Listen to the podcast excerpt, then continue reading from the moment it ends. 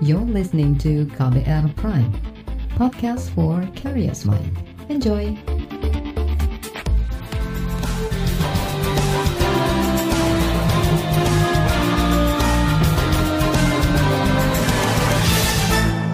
Halo saudara, senang sekali kami bisa menyapa Anda kembali dalam program KBR Sore edisi Senin 28 Desember 2020. Saya Sindu Darmawan kembali menemani Anda selama kurang lebih 30 menit ke depan. Sore ini kita menyoroti daya tampung sejumlah fasilitas kesehatan rujukan COVID-19 di tanah air yang kian menipis. Di masa libur Natal dan Tahun Baru, tingkat keterisian rumah sakit mencapai 80 hingga 90 persen. Kondisi ini jauh di bawah angka ideal yang ditetapkan Organisasi Kesehatan Dunia WHO yaitu sebesar 50 persen. Bagaimana? Pemerintah mengatasi kurangnya kapasitas fasilitas kesehatan dan tenaga kesehatan di tengah lonjakan pasien COVID-19. Saudara, jumlah pasien baru COVID-19 terus melonjak dan diperkirakan dampak dari momen libur panjang, pemilihan kepala daerah, serta libur akhir tahun. Kasus positif di Indonesia saat ini sudah menembus angka 700 ribu orang. Lonjakan pasien baru membuat kapasitas ruang perawatan di rumah sakit kian menipis.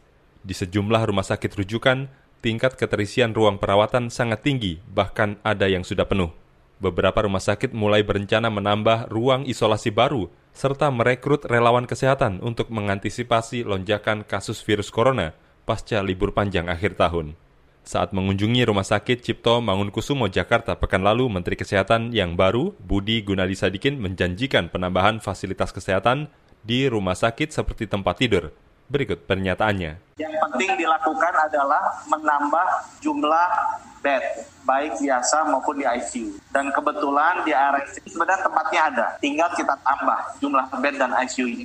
Ada potensinya bisa sampai 100 bed tambahan, yang kritikal bukan ruangannya ternyata, tapi perawat. Jadi tadi saya sudah bicara sama sama Pak Wamen yang benar-benar dokter, bagaimana caranya kita bisa segera mengalokasikan tambahan perawat karena jumlah dokternya cukup, jumlah alat kesehatannya cukup, jumlah dokternya cukup, ruangannya juga ada, bisa nambah sampai 100, tapi kita butuh perawat. Dan dengan menambah jumlah bed di rumah sakit yang existing yang ada sekarang, itu nanti teknisnya jadi lebih mudah. Menteri Kesehatan Budi Gunadi Sadikin menekankan pentingnya meningkatkan kepatuhan protokol kesehatan 3M di masyarakat. Tujuannya untuk menekan bertambahnya kasus positif baru supaya tidak memenuhi rumah sakit. Tujuan kami ada dua. Yang pertama, kami ingin memastikan bahwa kesiapan dari rumah sakit RCM dalam menghadapi di masa liburan panjang seperti ini, tolong pastikan bahwa hari besar ini kita jalani dengan damai dan sehat. Jangan lupa usahakan untuk tinggal di rumah dan terus pastikan memakai masker, mencuci tangan, dan menjaga jarak. Ini yang harus kita lakukan terus untuk mencegah jangan sampai nanti sesudah liburan yang indah ini kita bersama keluarga, kemudian ada dari keluarga kita yang terkena. Wakil Menteri Kesehatan Dante Saksono Harbuono memperkirakan lonjakan kasus COVID-19 bakal kian meroket pasca libur panjang akhir tahun. Kondisi ini dikhawatirkan bisa menghabiskan ketersediaan tempat tidur rumah sakit maupun keterbatasan tenaga perawat. Berikut pernyataannya. Kesiapan yang akan kita hadapi menjelang liburan ini adalah salah satu kunci yang paling penting dalam menanggulangi lonjakan kasus. Mungkin lonjakan kasus tidak bisa dihindari, pasti akan ada. Tetapi yang paling penting lagi di dalam lonjakan kasus tersebut adalah angka kematian yang tidak boleh makin meningkat. Untuk mendapatkan angka kematian yang tidak makin meningkat tersebut, maka kita melakukan kunjungan yang efektif hari ini sehingga semua ketersediaan obat-obatan, fasilitas kesehatan, dan tenaga medis tercukupi. Ya, jadi mengenai kebutuhan perawat yang dihubungkan dengan organisasi profesi, tadi kita sudah melakukan koordinasi dengan salah satu direktur RSCM di sini, bahwa kita membentuk model-model seperti relawan perawat. Dengan menggunakan model-model relawan perawat tersebut, maka akan kelihatan bahwa kebutuhannya akan menjadi cepat terpenuhi dari masalah teknis yang kita hadapi. Yang penting adalah jumlah perawatnya. Itu tadi Wakil Menteri Kesehatan Dante Saksono Harbuwono. Di bagian berikutnya kita akan simak laporan khas KBR mengenai kondisi COVID-19 di penghujung tahun 2020. Simak usai jeda nanti, tetaplah di KBR Sore. You're listening to KBR Pride, podcast for curious mind. Enjoy!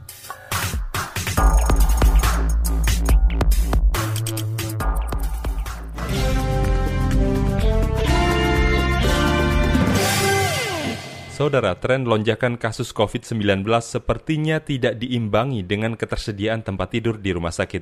Tenaga kesehatan kewalahan dan pasien juga mulai kesulitan mengakses ruang perawatan. Padahal, masih ada potensi lonjakan kasus usai libur akhir tahun dan juga ancaman mutasi virus corona yang 70% persen lebih menular. Simak laporan tim KBR yang dibacakan Astri Yuwanasari. Sudah hampir sebulan Mila melakukan isolasi mandiri di rumah setelah dinyatakan positif COVID-19 awal Desember lalu. Perempuan asal Garut, Jawa Barat ini terpaksa karantina mandiri karena rumah sakit sudah penuh awal Desember tiba-tiba demam sama batuk-batukan dua hari setelahnya kita kayak nggak bisa cium apa-apa. Terus akhirnya ya udah swab aja. Dan ternyata dari berenam itu aku dan dua temenku tuh positif. Dokter dari puskesmasnya bilang isoman aja dulu karena rumah sakit juga penuh nggak bisa dan kalau di rumah sakit pun paling cuma dikasih vitamin aja kan. Nah waktu itu aku sempet drop karena ada penyakit lambung, tapi tetap mutusin untuk isoman. Mila bahkan tak kebagian tempat di Rusun Gandasari, fasilitas karantina mandiri bagi pasien tanpa gejala aku mau mau aja cuman emang nggak dirujuk dan bilangnya penuh nggak bisa. Akhirnya di rumah jadi aku di lantai dua. Nggak kontak sama sekali sama yang lain. Jadi ya udah di rumah aja selagi akunya juga nggak terlalu parah gitu. Jadi selama ini juga ya udah di atas aja sendiri gitu makan vitamin olahraga gitu. Meski bukan pasien kasus berat, Mila tetap khawatir bakal menulari keluarga di rumah. Apalagi ia masih positif berdasarkan tes usap terakhir. Akhirnya isolasi mandiri juga harus diperpanjang 14 hari lagi di rumah pakai masker. Kan kalau misalnya ada yang antar makanan ke depan pintu, itu tetap di rumah pada pakai masker. Terus kayak kemarin kan tes tuh ke luar itu pakai sarung tangan, pakai masker. Pokoknya bawa desinfektan, benar-benar pakai apa protokol kesehatan. Di Jakarta, Rumah Sakit Medistra sudah tidak menerima lagi pasien baru COVID-19 karena ruang intensif dan kamar isolasi penuh. Hal ini diungkapkan Debrina Dewi, dokter relawan yang bertugas di sana bukan nolak sih ya bahasanya kita nggak bisa menerima aja gitu kan karena memang nggak ada tempat lagi nggak ada bed lagi secara fasilitas nggak ada lagi gitu. Itu kayaknya emang ya nggak enak gitu ya. Tapi lebih nggak enak lagi itu karena permintaan dari pasiennya sendiri ini juga penuh pressure gitu loh. Mereka juga panik kan soalnya kan panik marah-marah kita jangan ada kamar juga marah harus gitu nggak tahu gimana gitu. Bahkan rumah sakit sampai membuat daftar tunggu untuk mengakomodasi tingginya permintaan pasien-pasien baru tiap hari itu harus mikir gimana caranya supaya efisien gitu, supaya bisa menyediakan kamar untuk yang waiting list waiting list itu. Dan hmm. waiting listnya itu lumayan ini nih, antriannya lumayan kayak ngantri ini naik roller coaster di Dufan itu. Ancaman varian baru virus corona tak terlalu merisaukan Debrina. Ia lebih khawatir soal longgarnya disiplin protokol kesehatan dan lemahnya pengetesan, pelacakan, dan penanganan atau 3T. Tapi aku bukan takut karena virusnya strain baru, karena itu menurutku normal virus itu bermutasi dan punya strain baru gitu ya. Yang aku takutkan adalah kita ini nggak bener gitu. Kita satu, kita 3M-nya masih belum menjalani satu Indonesia, ya kan? Terus kedua, sistem testing sama tracing kita pun nggak bener. Positive rate kita gila-gilaan di atas 20% terus. Jauh banget di angka yang WHO maunya berapa gitu kan. Artinya angka yang kita lihat sekarang tuh kemungkinan besar angkanya nggak sekecil itu. Angka kasus yang baru tiap hari itu juga kayaknya nggak segitu juga, kayaknya lebih dari itu gitu. Debrina hanya bisa pasrah menghadapi potensi lonjakan kasus pasca libur panjang akhir tahun. Namun menurutnya sudah ada rencana mitigasi yang disiapkan sejumlah rumah sakit. Siap mental sih mbak, karena kayaknya pasti akan lonjak gitu kan. Ya udah siap mental aja. Sama kita di beberapa rumah sakit kayaknya sudah punya rencana untuk gimana mitigasi ini sih. Jadi ada beberapa rumah sakit yang sudah menyiapkan bed tambahan, misalkan kayak gitu. Tenaga penagaan juga udah lumayan mau diatur-atur gitu kan. Supaya nanti saat ada lonjakan kita siap uh, stok obat juga di dipastikan terjamin gitu supaya nanti kalau misalnya pasiennya membludak lagi kita udah uh, bisa perpindahannya bakal lebih bagus daripada sekarang. Situasi serupa juga terjadi di Rumah Sakit Umum Persahabatan, Jakarta. Dokter spesialis paru Erlina Burhan mengatakan ruang perawatan sudah hampir penuh. Tenaga kesehatan juga mulai kelelahan. ICU itu rata-rata di atas 80 sampai 90 persen. Bahkan beberapa ICU sudah 100 persen bed occupancy rate-nya. Sementara ruang isolasi juga di atas 70-an persen. ini mengkhawatirkan. Ini sudah melelahkan buat petugas kesehatan dan juga uh, berdampak pada kualitas pelayanan. Menurutnya, yang terpenting saat ini bukan menambah tempat tidur atau ruang perawatan, tetapi upaya pencegahan maksimal, yakni pembatasan pergerakan manusia kalau kasus terus bertambah, maka jumlah orang yang perlu perawatan juga akan bertambah. Walaupun sebagian besar pasien-pasien itu dengan gejala ringan ya, atau bahkan ada yang tanpa gejala. Tetapi di atas 10% itu akan butuh perawatan. Nah 10% dari angka yang besar kan juga banyak. Nah ini akan menyulitkan bagi kami di rumah sakit untuk memberikan pelayanan yang optimal. Demikian laporan tim KBR, saya Astri Yuwanasari. Di bagian berikutnya kita hubungi Perhimpunan Rumah Sakit Seluruh Indonesia Persi untuk menjelaskan kondisi terakhir kemampuan daya tampung perawatan pasien COVID-19. Apa saja yang sebaiknya dilakukan rumah sakit? Wawancaranya akan kami hadirkan sesaat lagi. Tetaplah di KBR Sore. You're listening to KBR Pride, podcast for curious mind. Enjoy!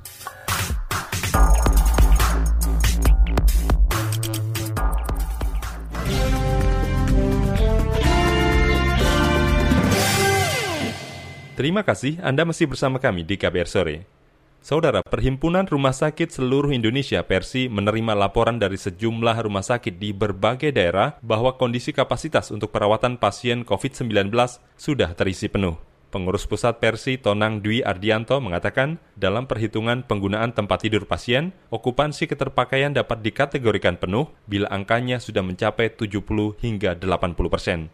Tonang mengatakan, untuk mengatasi hal itu, pihak rumah sakit harus melakukan strategi cohorting atau pemilahan pasien berdasarkan kondisi dan kesehatan pasien.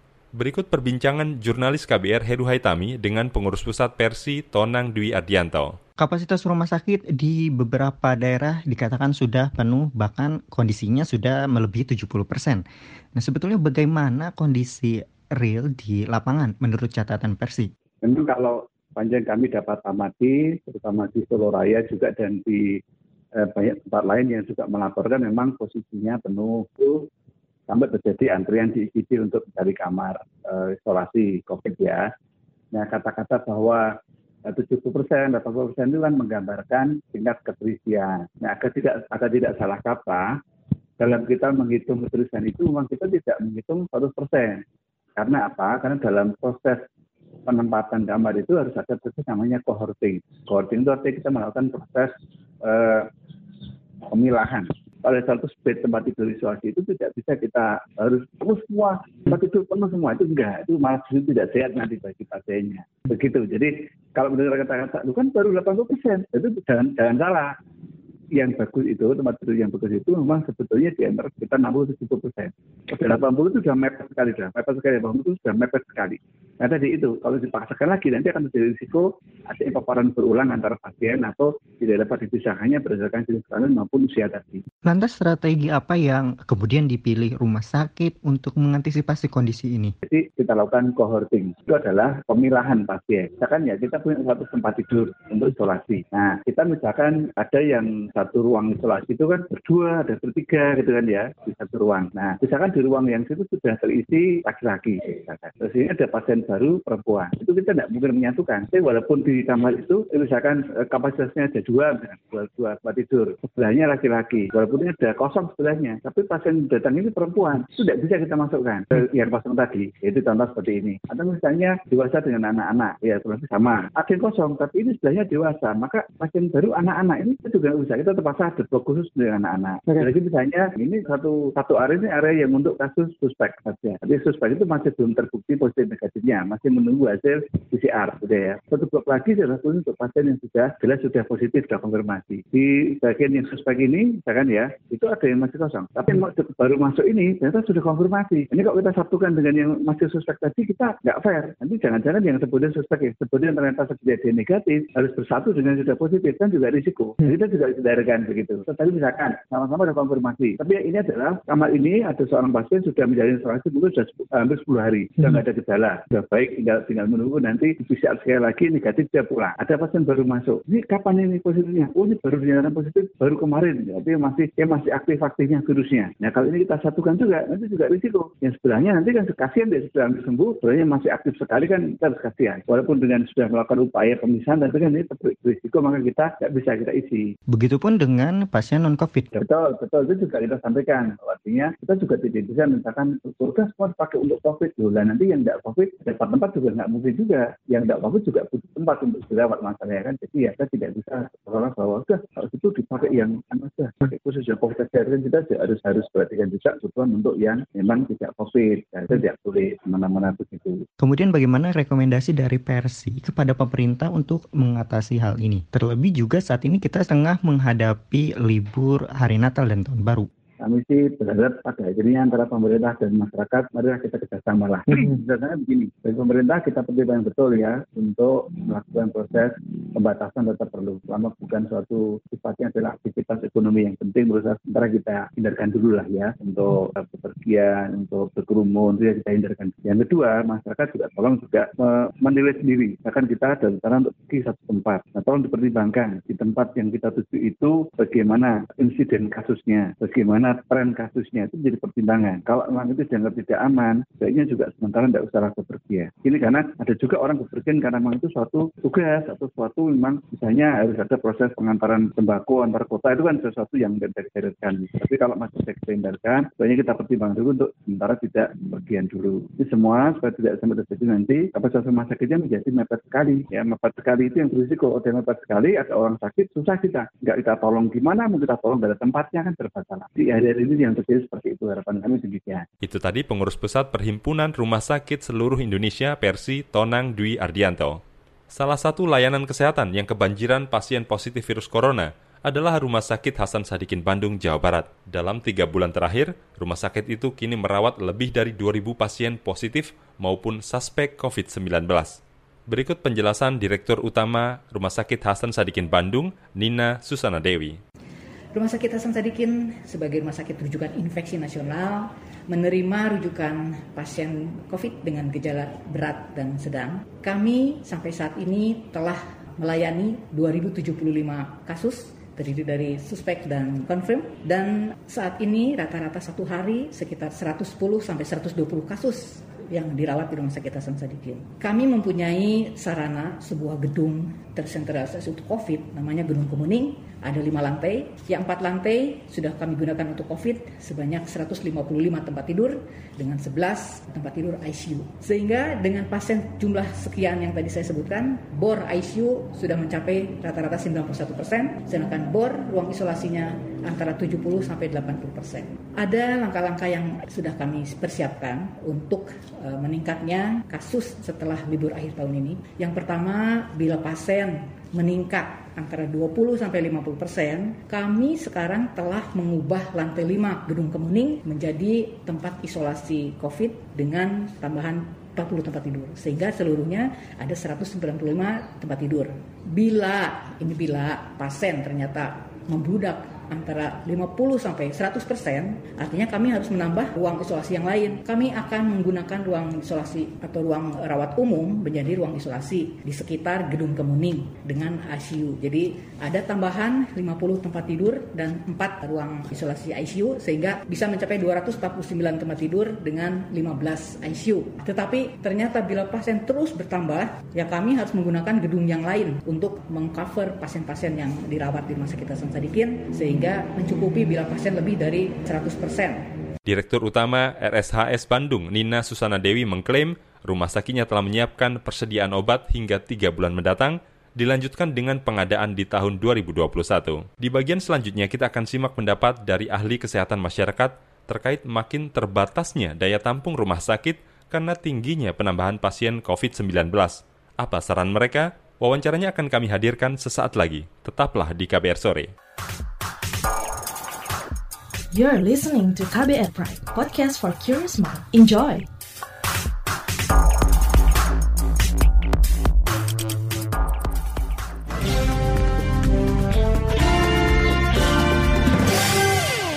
Anda masih mendengarkan KBR Sore. Saudara, Ikatan Ahli Kesehatan Masyarakat Indonesia IAKMI meminta pemerintah memperketat aturan pembatasan aktivitas di masa pandemi COVID-19. IAKMI menilai hal tersebut perlu dilakukan untuk mencegah terjadinya penularan sehingga tidak banyak pasien positif COVID-19 yang dirawat di rumah sakit.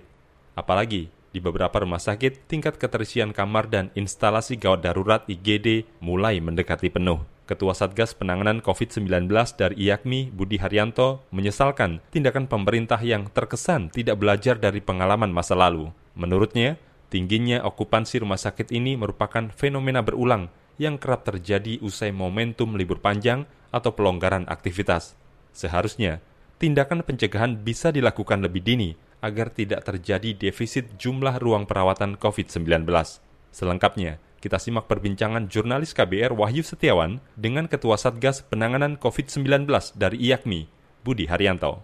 Sebenarnya jika eh, kondisi rumah sakit mulai penuh, bahkan IGD juga tingkat terisiannya mulai penuh, apakah ada dampak kepada penanganan pasien? Jadi nanti kualitas pelayanannya yang menjadi terlalu terbebani karena kan semakin banyak pasien di sana dan sebenarnya standarnya kan 68-70 eh, persen dari okupansi rate ya. Jadi beban rumah sakit itu kan eh, standarnya hanya sekitar 70 persen kamar isolasi maupun ruang perawatan itu tidak boleh lebih dari 70 persen. Artinya gini, itu ideal untuk para eh, tenaga medis itu bisa melayani dengan baik para pasien yang ada di rumah sakit.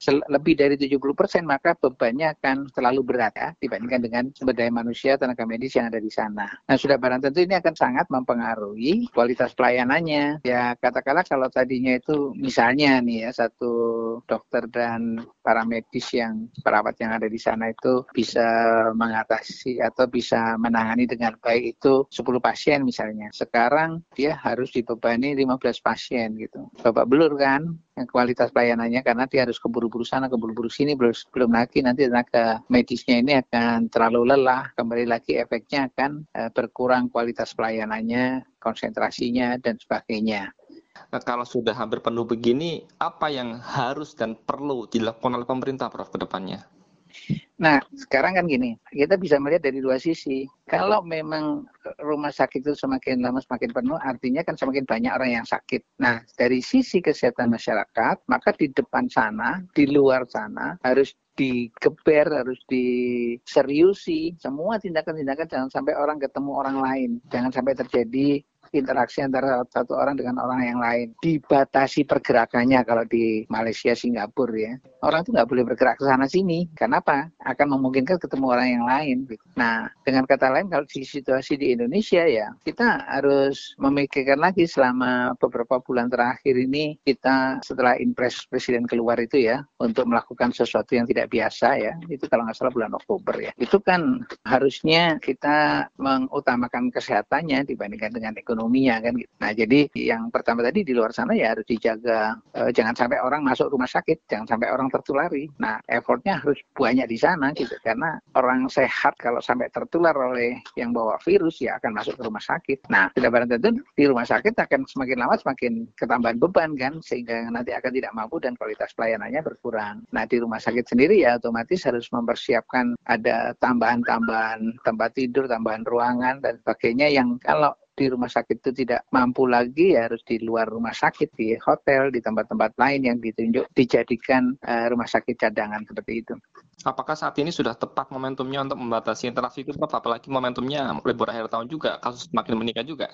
Ya betul. Artinya tetap keseriusan dari eh, sebenarnya yang ingin saya sampaikan gini mas. Kejadian ini kan berulang-ulang aja. Ya, semua kan udah punya pengalaman soal itu kan. Nah selama ini kemudian ternyata apa? Pengendalian atau pengawasan atau sanksi yang dikenakan yang ditetapkan yang diterapkan oleh pemerintah bagaimanapun juga kita bisa mengatakan kurang berhasil. Karena angkanya naik terus kan setelah ada momen-momen pertemuan di luar yang cukup banyak, cukup besar ketemu orang selalu meningkat kayak liburan, terus kemudian ada kumpul-kumpul tertentu dan sebagainya itu selalu meningkat. Kan itu pengalamannya udah sering kali. Jadi kembali lagi bahwa eh, sosialisasi pun juga sudah dilakukan sedemikian rupa. Mungkin tidak semua nyampe juga sosialisasinya ya sehingga masyarakat pun juga relatif nekat gitu. Tapi kalau peraturan itu ketat ya seperti di negara tetangga kita aja, Malaysia Malaysia, Singapura itu sangat ketat ya pemerintahnya. Kalau memang nggak boleh keluar, nggak boleh keluar. Kalau mau melanggar langsung didenda. Di Australia juga seperti itu ya, sampai 100 ribu dolar loh ya mereka didendanya. Itu kan berat. Nah, kalau bisa menerapkan seperti itu ya, ya mari kita lihat gitu.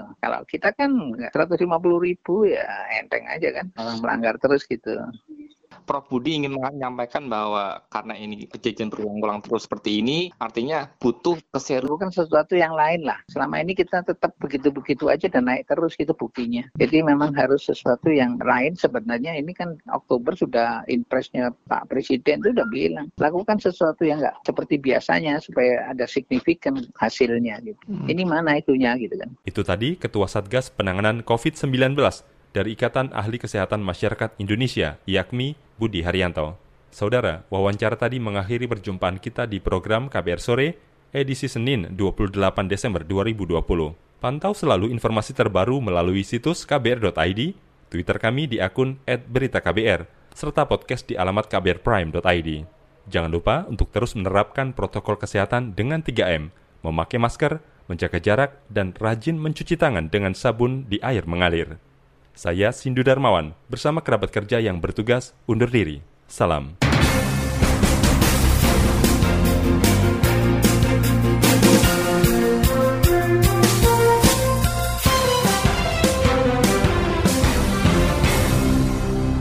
KBR Prime, cara asik mendengar berita.